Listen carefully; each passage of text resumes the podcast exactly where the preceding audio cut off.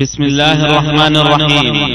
يسر شبكة الألوكة بالتعاون مع المكتبة المركزية للكتب الناطقة. أن تقدم لكم هذه المادة تفسير سورة البقرة لابن كثير.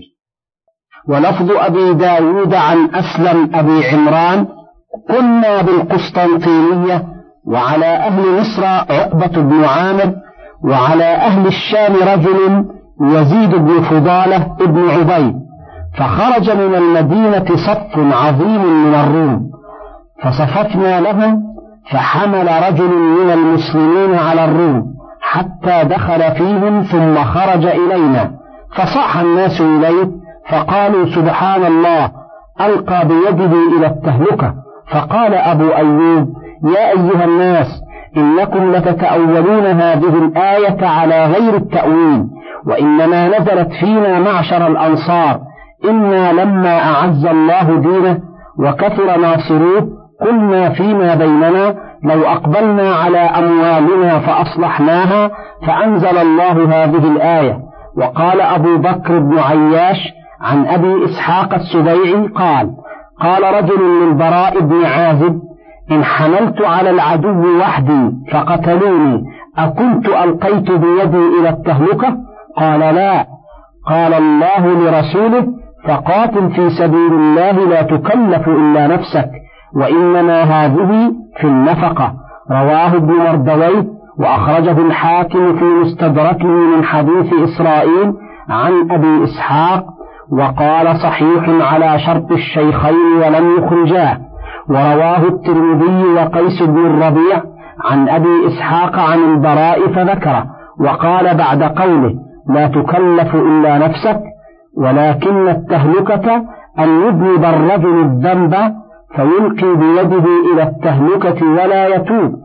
وقال ابن أبي حاتم حدثنا أبي حدثنا أبو صالح كاتب الليث حدثني الليث حدثنا عبد الرحمن بن خالد بن مسافر عن ابن شهاب عن أبي بكر بن نمير ابن عبد الرحمن بن الحارث ابن هشام أن عبد الرحمن الأسود ابن عبد يغوث أخبره أنه حاصروا دمشق فانطلق رجل من أزد شنوءة فأسرع إلى العدو وحده ليستقبل فعاب ذلك عليه المسلمون ورفعوا حديثه إلى عمرو بن العاص فأرسل إليه عمرو فرده وقال عمرو قال الله ولا تلقوا بأيديكم إلى التهلكة وقال عطاء بن السائب عن سعيد بن جبير عن ابن عباس في قوله تعالى وأنفقوا في سبيل الله ولا تلقوا بأيديكم إلى التهلكة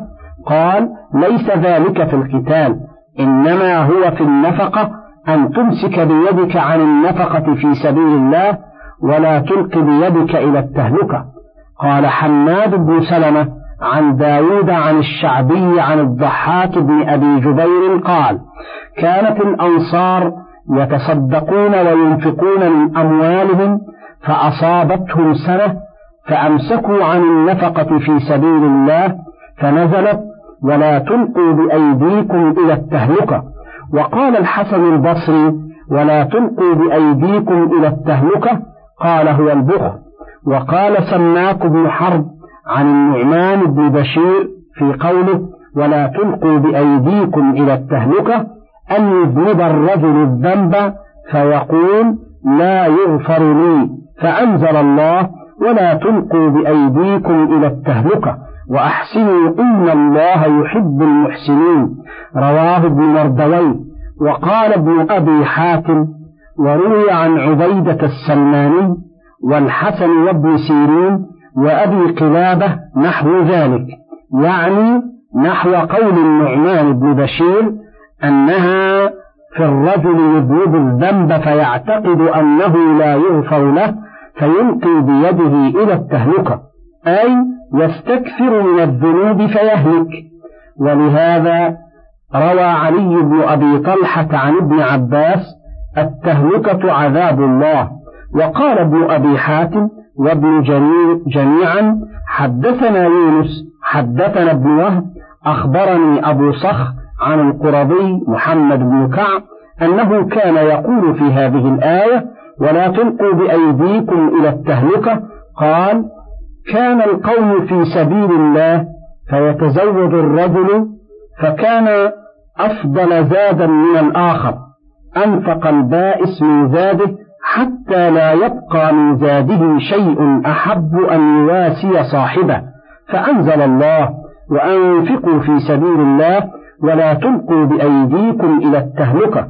وبه قال ابن وهب أيضا أخبرني عبد الله بن عياش عن زيد بن أسلم في قول الله وأنفقوا في سبيل الله ولا تلقوا بأيديكم إلى التهلكة.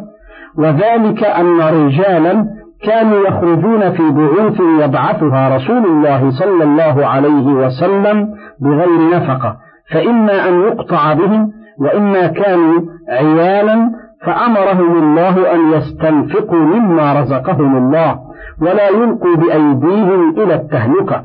والتهلكة أن يهلك رجال من الجوع والعطش أو من المشي وقال لمن بيده فضل وأحسنوا إن الله يحب المحسنين. ومضمون الآية الأمر بالإنفاق في سبيل الله في سائر وجوه القربات ووجوه الطاعات وخاصة صرف الأموال في قتال الأعداء وبذلها فيما يقوى به المسلمون على عدوهم. والإخبار عن ترك فعل ذلك بأنه هلاك ودمار لمن لزمه واعتاده. ثم عطف بالأمر بالإحسان وهو أعلى مقامات الطاعة فقال وأحسنوا إن الله يحب المحسنين. وأتموا الحج والعمرة لله فإن أحصرتم فما استيسر من الهدي ولا تحلقوا رؤوسكم حتى يبلغ الهدي محلة فمن كان منكم مريضا أو به أذى من رأسه ففدية من صيام أو صدقة أو نسك فإذا أمنتم فمن تمتع بالعمرة إلى الحج فما استيسر من الهدي فمن لم يجد فصيام ثلاثة أيام في الحج وسبعة إذا رجعتم تلك عشرة كاملة ذلك لمن لم يكن أهله حاضر المسجد الحرام واتقوا الله واعلموا أن الله شديد العقاب. لما ذكر تعالى أحكام الصيام وعطف بذكر الجهاد شرع في بيان المناسك فأمر بإتمام الحج والعمرة وظاهر السياق إكمال أفعالهما بعد الشروع فيهما. ولهذا قال بعده فإن أحصرتم أي صددتم عن الوصول إلى البيت ومنعتم من إتمامهما.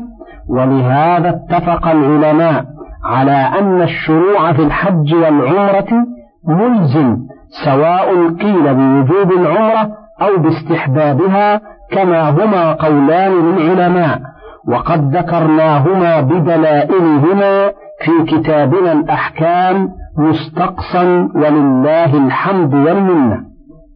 وقال شعبة عن عمرو بن مرة عن عبد الله بن سلمة عن علي أنه قال في هذه الآية وأتم الحج والعمرة لله قال أن تحرم من دويرة أهلك.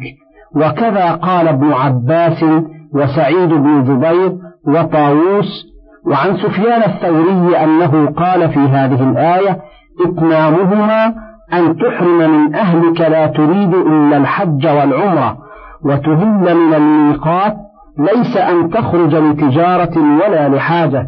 حتى إذا كنت قريبا من مكة قلت لو حججت أو اعتمرت وذلك يجزئ ولكن التمام أن تخرج له ولا تخرج لغيره. وقال مكحول إتمامهما إنشاؤهما جميعا من الميقات. وقال عبد الرزاق أخبرنا معمر عن الزهري قال بلغنا أن عمر قال في قول الله وأتم الحج والعمرة لله من تمامهما أن تفرد كل واحد منهما من الآخر وأن تعتمر في غير أشهر الحج. إن الله تعالى يقول الحج أشهر معلومات. وقال هشام عن ابن عون سمعت القاسم بن محمد يقول إن العمرة في أشهر الحج ليست بتامة فقيل له فالعمرة في المحرم. قال كانوا يرونها تامة. وكذا روي عن قتادة بن دعامة رحمهما الله. وهذا القول فيه نظر لأنه قد ثبت أن رسول الله صلى الله عليه وسلم اعتمر أربع عمر كلها في ذي القعدة عمرة الحديبية في ذي القعدة سنة ست وعمرة القضاء في ذي القعدة سنة سبع وعمرة الجعرانة في ذي القعدة سنة ثمان وعمرته التي مع حجته أحرم بهما معا في ذي القعدة سنة عشر. وما اعتمر في غير ذلك بعد هجرته. ولكن قال لأم هانئ عمرة في رمضان تعدل حجة معي وما ذاك إلا لأنها قد عزمت على الحج معه عليه السلام فاعتاقت عن ذلك بسبب الطهر كما هو مبسوط في الحديث عند البخاري.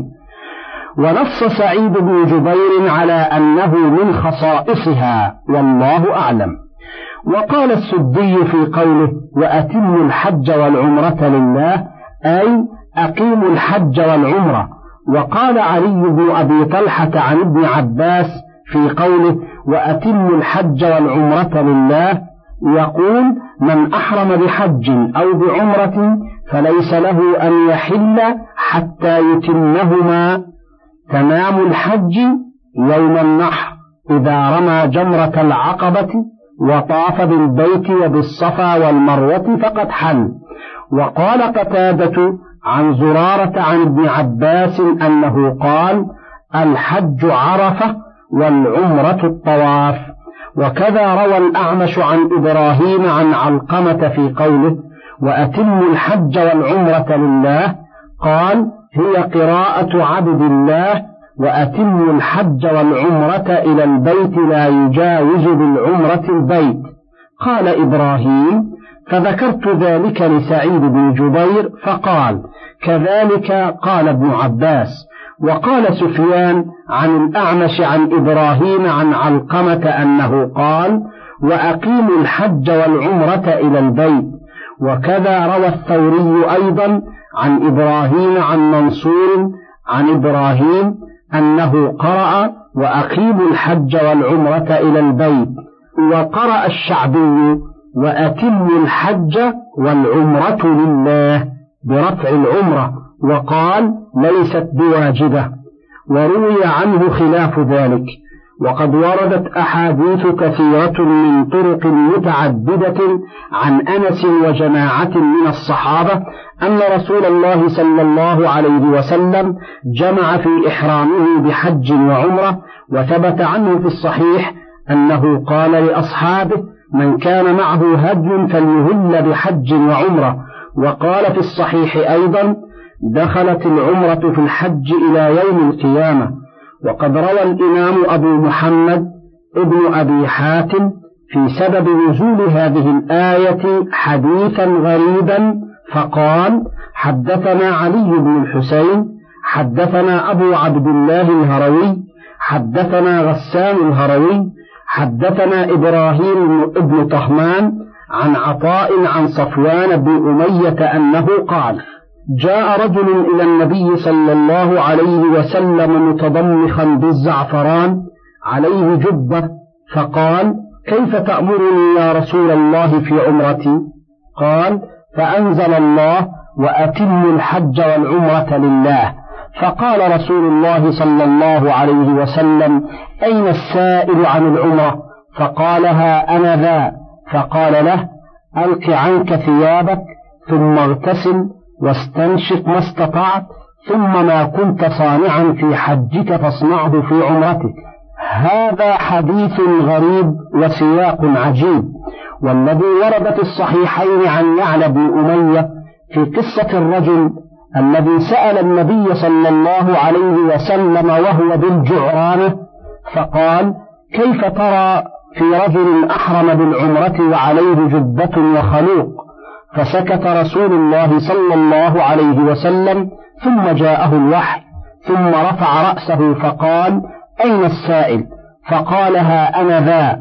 فقال أما الجبة فانزعها وأما الطيب الذي بك فاغسله ثم ما كنت صانعا في حجك فاصنعه في عمرتك ولم يذكر فيه الغسل والاستنشاق ولا ذكر نزول هذه الآية وهو عن يعلى بن أمية لا صفوان بن أمية فالله أعلم. وقوله فإن أحصرتم فما استيسر من الهدي ذكروا أن هذه الآية نزلت في سنة ست أي عام الحديبية حين حال المشركون بين رسول الله صلى الله عليه وسلم وبين الوصول إلى البيت وأنزل الله في ذلك سورة الفتح بكمالها وأنزل لهم رخصة أن يذبحوا ما معهم من الهدي وكان سبعين بدنة وأن يحلقوا رؤوسهم وأن يتحللوا من إحرامهم. فعند ذلك أمرهم عليه السلام بأن يحلقوا رؤوسهم وأن يتحللوا فلم يفعلوا انتظارا للنسخ حتى خرج فحلق رأسه ففعل الناس وكان منهم من قصر رأسه ولم يحلق فلذلك قال صلى الله عليه وسلم رحم الله المحلقين.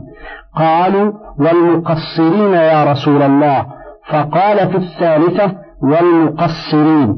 وقد كانوا اشتركوا في هديهم ذلك كل سبعة في بدنة وكانوا ألفا وأربعمائة وكان منزلهم بالحديبية خارج الحرم وقيل بل كانوا على طرف الحرم فالله أعلم.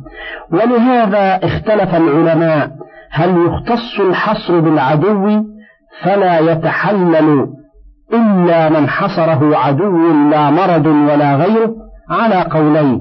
فقال ابن أبي حاتم حدثنا محمد بن عبد الله بن يزيد المقري حدثنا سفيان عن عمرو بن دينار عن ابن عباس وابن طاووس عن أبيه عن ابن عباس وابن أبي نجيح عن ابن عباس أنه قال لا حصر إلا حصر العدو فأما من أصابه مرض أو وجع أو ضلال فليس عليه شيء. إنما قال الله تعالى فإذا أمنتم فليس الأمن حصرا. قال وروي عن ابن عمر وطاووس والزهري وزيد بن أسلم نحو ذلك. والقول الثاني أن الحصر أعم من أن يكون بعدو أو مرض أو ضلال وهو التوهان عن الطريق أو نحو ذلك. قال الإمام أحمد حدثنا يحيى ابن سعيد حدثنا حجاج بن الصواف عن يحيى بن أبي كثير عن عكرمة عن الحجاج بن عمرو الأنصاري قال سمعت رسول الله صلى الله عليه وسلم يقول من كسر أو وجع أو عرج فقد حل وعليه حجة أخرى. قال فذكرت ذلك لابن عباس وأبي هريرة فقال صدق. وأخرجه أصحاب الكتب الأربعة من حديث يحيى بن أبي كثير به وفي رواية لأبي داود وابن ماجه من عرج أو كسر أو مرض فذكر معناه. ورواه ابن أبي حاتم عن الحسن بن عرفة عن إسماعيل بن علية عن الحجاج بن أبي عثمان الصواف به ثم قال وروي عن ابن مسعود وابن الزبير وعلقمة وسعيد بن المسيب وعروة بن الزبير ومجاهد والنخعي وعطاء ومقاتل بن حيان أنهم قالوا الإحصار من عدو أو مرض أو كسر وقال الثوري الإحصار من كل شيء آذاه وثبت في الصحيحين عن عائشة أن رسول الله صلى الله عليه وسلم دخل على ضباعة بنت الزبير بن عبد المطلب فقالت يا رسول الله إني أريد الحج وأنا شاكية. فقال حجي واشترطي أن محلي حيث حبستني. ورواه مسلم عن ابن عباس بمثله. فذهب من ذهب من العلماء إلى صحة الاشتراط في الحج لهذا الحديث. وقد علق الإمام محمد بن إدريس الشافعي القول بصحة هذا المذهب على صحة هذا الحديث. قال البيهقي وغيره من الحفاظ وقد صح ولله الحمد وقوله فما استيسر من الهدي قال الإمام مالك عن جعفر بن محمد عن أبيه عن علي بن أبي طالب أنه كان يقول فما استيسر من الهدي شاه وقال ابن عباس الهدي من الأزواج الثمانية من الإبل والبقر والمعز والضأن وقال الثوري عن حبيب عن سعيد بن جبير عن ابن عباس في قوله فما استيسر من الهدي؟ قال شاه. وكذا قال عطاء ومجاهد وطاووس وأبو العالية ومحمد بن علي بن الحسين وعبد الرحمن بن القاسم والشعبي والنخعي والحسن وقتادة والضحاك ومقاتل بن حيان وغيرهم مثل ذلك وهو مذهب الأئمة الأربعة. وقال ابن أبي حاتم حدثنا أبو سعيد الأشج حدثنا أبو خالد الأحمر عن يحيى بن سعيد عن القاسم عن عائشة وابن عمر أنهما كانا لا يريان ما استيسر من الهدي إلا من الإبل والبقر. قال وروي عن سالم والقاسم وعروة بن الزبير وسعيد بن جبير نحو ذلك. قلت والظاهر أن مستند هؤلاء فيما ذهبوا إليه قصة الحديبية. فإنه لم, لم ينقل عن أحد منهم أنه ذبح في تحلله ذلك شاة وإنما ذبحوا الإبل والبقر. ففي الصحيحين عن جابر قال أمرنا رسول الله صلى الله عليه وسلم أن نشترك في الإبل والبقر كل سبعة منا في بقرة. وقال عبد الرزاق أخبرنا معمر عن ابن طاووس عن أبيه عن ابن عباس في قوله فما استيسر من الهدي قال بقدر يسارته. وقال العوفي عن ابن عباس إن كان موسرا فمن الإبل وإلا فمن البقر وإلا فمن الغنم. وقال هشام بن عروة عن أبيه فما استيسر من الهدي قال إنما ذلك فيما بين الرخص والغلاء. والدليل على صحة قول الجمهور فيما ذهبوا إليه من إجزاء ذبح الشاة في الإحصار أن الله أوجب ذبح ما استيسر من الهدي أي مهما تيسر مما يسمى هديا والهدي من بهيمة الأنعام وهي الإبل والبقر والغنم كما قاله الحبر البحر. ترجمان القرآن وابن عم رسول الله صلى الله عليه وسلم. وقد ثبت في الصحيحين عن عائشة أم المؤمنين رضي الله عنها قالت أهدى النبي صلى الله عليه وسلم مرة غنما. وقوله ولا تحلقوا رؤوسكم حتى يبلغ الهدي محلة. معطوف على قوله وأتموا الحج والعمرة لله. وليس معطوفا على قوله فإن أحصرتم فما استيسر من الهدي كما زعمه ابن جرير رحمه الله لأن النبي صلى الله عليه وسلم وأصحابه عام الحديبية لما حصرهم كفار قريش عن الدخول إلى الحرم حلقوا وذبحوا هديهم خارج الحرم. فأما في حال الأمن والوصول إلى الحرم فلا يجوز الحلق حتى يبلغ الهدي محلة.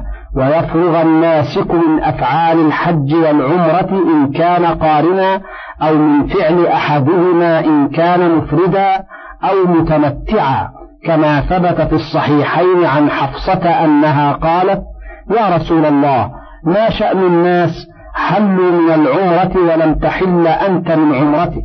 فقال إني لبت رأسي وقلدت هدي فلا أحل حتى أنحر.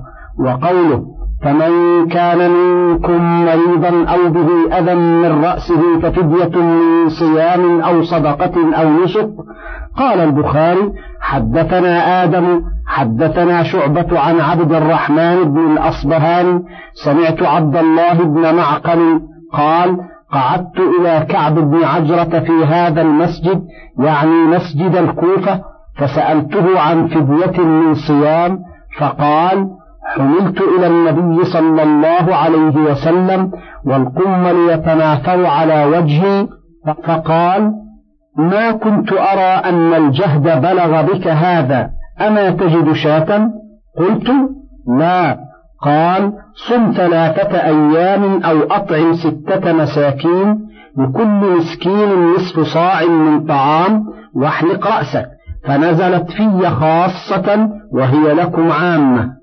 وقال الإمام أحمد حدثنا إسماعيل حدثنا أيوب عن مجاهد عن عبد الرحمن بن أبي ليلى عن كعب بن عجرة قال أتى علي النبي صلى الله عليه وسلم وأنا أوقد تحت قدر والقمل يتناثر على وجهي أو قال حاجبي فقال يؤذيك هوام رأسك؟ قلت نعم. قال فاحلقه وصم ثلاثة أيام أو أطعم ستة مساكين أو أنسك نسيك. قال أيوب لا أدري بأيتهن بدأ. وقال أحمد أيضا حدثنا هشام حدثنا أبو بشر عن مجاهد عن عبد الرحمن بن أبي ليلى عن كعب بن عجرة قال كنا مع رسول الله صلى الله عليه وسلم بالحديبية ونحن محرمون. وقد حصره المشركون وكانت لي وفرة فجعلت الهوام تساقط على وجهي. فمر علي النبي صلى الله عليه وسلم فقال أيؤذيك هوام رأسك؟ فأمره أن يحلق. قال ونزلت هذه الآية فمن كان منكم مريضا أو به أذى من رأسه ففدية من صيام أو صدقة أو نسك. وكذا رواه عثمان عن شعبة عن أبي بشر وهو جعفر بن إياس به. وعن شعبة عن الحكم عن عبد الرحمن بن أبي ليلى به. وعن شعبة عن داود عن الشعبي عن كعب بن عجرة نحوه. ورواه الإمام مالك عن حميد بن قيس عن مجاهد عن عبد الرحمن بن أبي ليلى عن كعب بن عجرة فذكر نحوه وقال سعد بن إسحاق بن كعب بن عجرة عن أبان بن صالح عن الحسن البصري أنه سمع كعب بن عجرة يقول فذبحت شاة ورواه ابن مردويه وروي أيضا من حديث عمر بن قيس وهو ضعيف عن عطاء عن ابن عباس قال قال رسول الله صلى الله عليه وسلم النسك شاة والصيام ثلاثة أيام والطعام فرق بين ستة. وكذا روي عن علي ومحمد بن كعب وعلقمة وإبراهيم ومجاهد وعطاء والسدي والربيع بن أنس. وقال ابن أبي حاتم أخبرنا يونس بن عبد الأعلى أخبرنا عبد الله بن وهب أن مالك بن أنس حدثه عن عبد الكريم بن مالك الجزري عن مجاهد عن عبد الرحمن بن أبي ليلى عن كعب بن عجرة أنه كان مع رسول الله صلى الله عليه وسلم فآذاه القمل في رأسه فأمره رسول الله صلى الله عليه وسلم أن يحلق رأسه وقال صم ثلاثة أيام أو أطعم ستة مساكين مدين مدين لكل إنسان أو أمسك شاة أي ذلك فعلت أجزأ عنك. وهكذا روى ليث بن أبي سليم عن مجاهد عن ابن عباس في قوله ففدية من صيام أو صدقة أو نسك قال إذا كان أو فأية أخذت أجزأ عنك قال ابن أبي حاتم وروي عن مجاهد وعكرمة وعطاء وطاووس والحسن وحميد الأعرج وإبراهيم النخعي والضحاك نحو ذلك. قلت وهو مذهب الأئمة الأربعة وعامة العلماء أنه يخير في هذا المقام إن شاء صام وإن شاء تصدق بفرق وهو ثلاثة آصع لكل مسكين نصف صاع وهو مدان وإن شاء ذبح شاة وتصدق بها على الفقراء. أي ذلك فعل أجزأه. ولما كان لفظ القرآن في بيان الرخصة جاء بالأسهل فالأسهل ففدية من صيام أو صدقة أو نسك.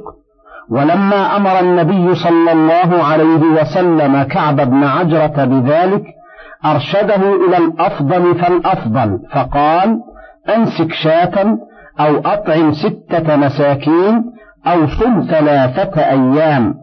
فكل حسن في مقامه ولله الحمد والمنة. من فضلك تابع بقية المادة.